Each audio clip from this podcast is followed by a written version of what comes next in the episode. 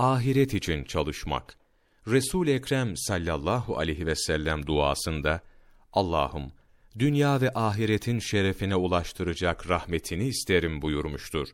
Diğer bir duasında Allah'ım dünyanın mihnet ve meşakkatinden, ahiretin azabından beni koru buyurmuştur.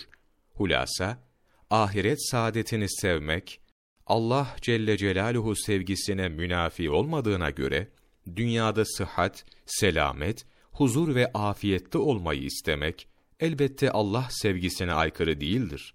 Çünkü dünya ile ahiret ayrı ayrı iki halden ibaret olup biri diğerinden daha yakındır. İnsanoğlu yarının huzur ve refahını isteyebilirken bugünün saadetini istemesinde neden mahsur olsun?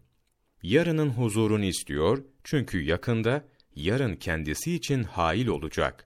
Halbuki bugünü şu anda içinde bulunduğu hali hazırdır. Elbette bugünün huzurunu da sever.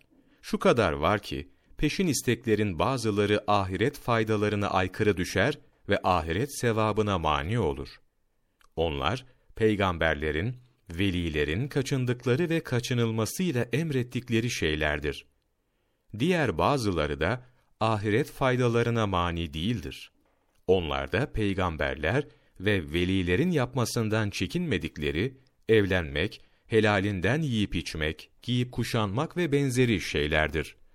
Ahiret menfaatine aykırı düşen şeyleri, insanoğlu tabiatıyla değil, aklıyla kerih görmeli ve kabul etmemelidir. Yani midesi almıyor, canı çekmiyor diye değil, kötü neticelerini düşünerek tatlı olduğu halde onlardan uzak kalmalıdır. Mesela, sultanın hazırladığı nefis yemekleri insanın midesi çeker ve canı arzu eder.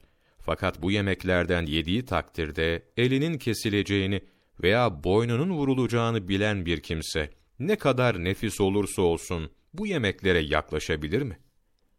İşte ahiretine zarar verecek şeylere de bunun gibi yaklaşmamalıdır. İmamı Gazali rahmetullahi aleyh, İhya-i Ulumiddin, Cilt 2, sayfa 410, 5 Mart Mevlana takvimi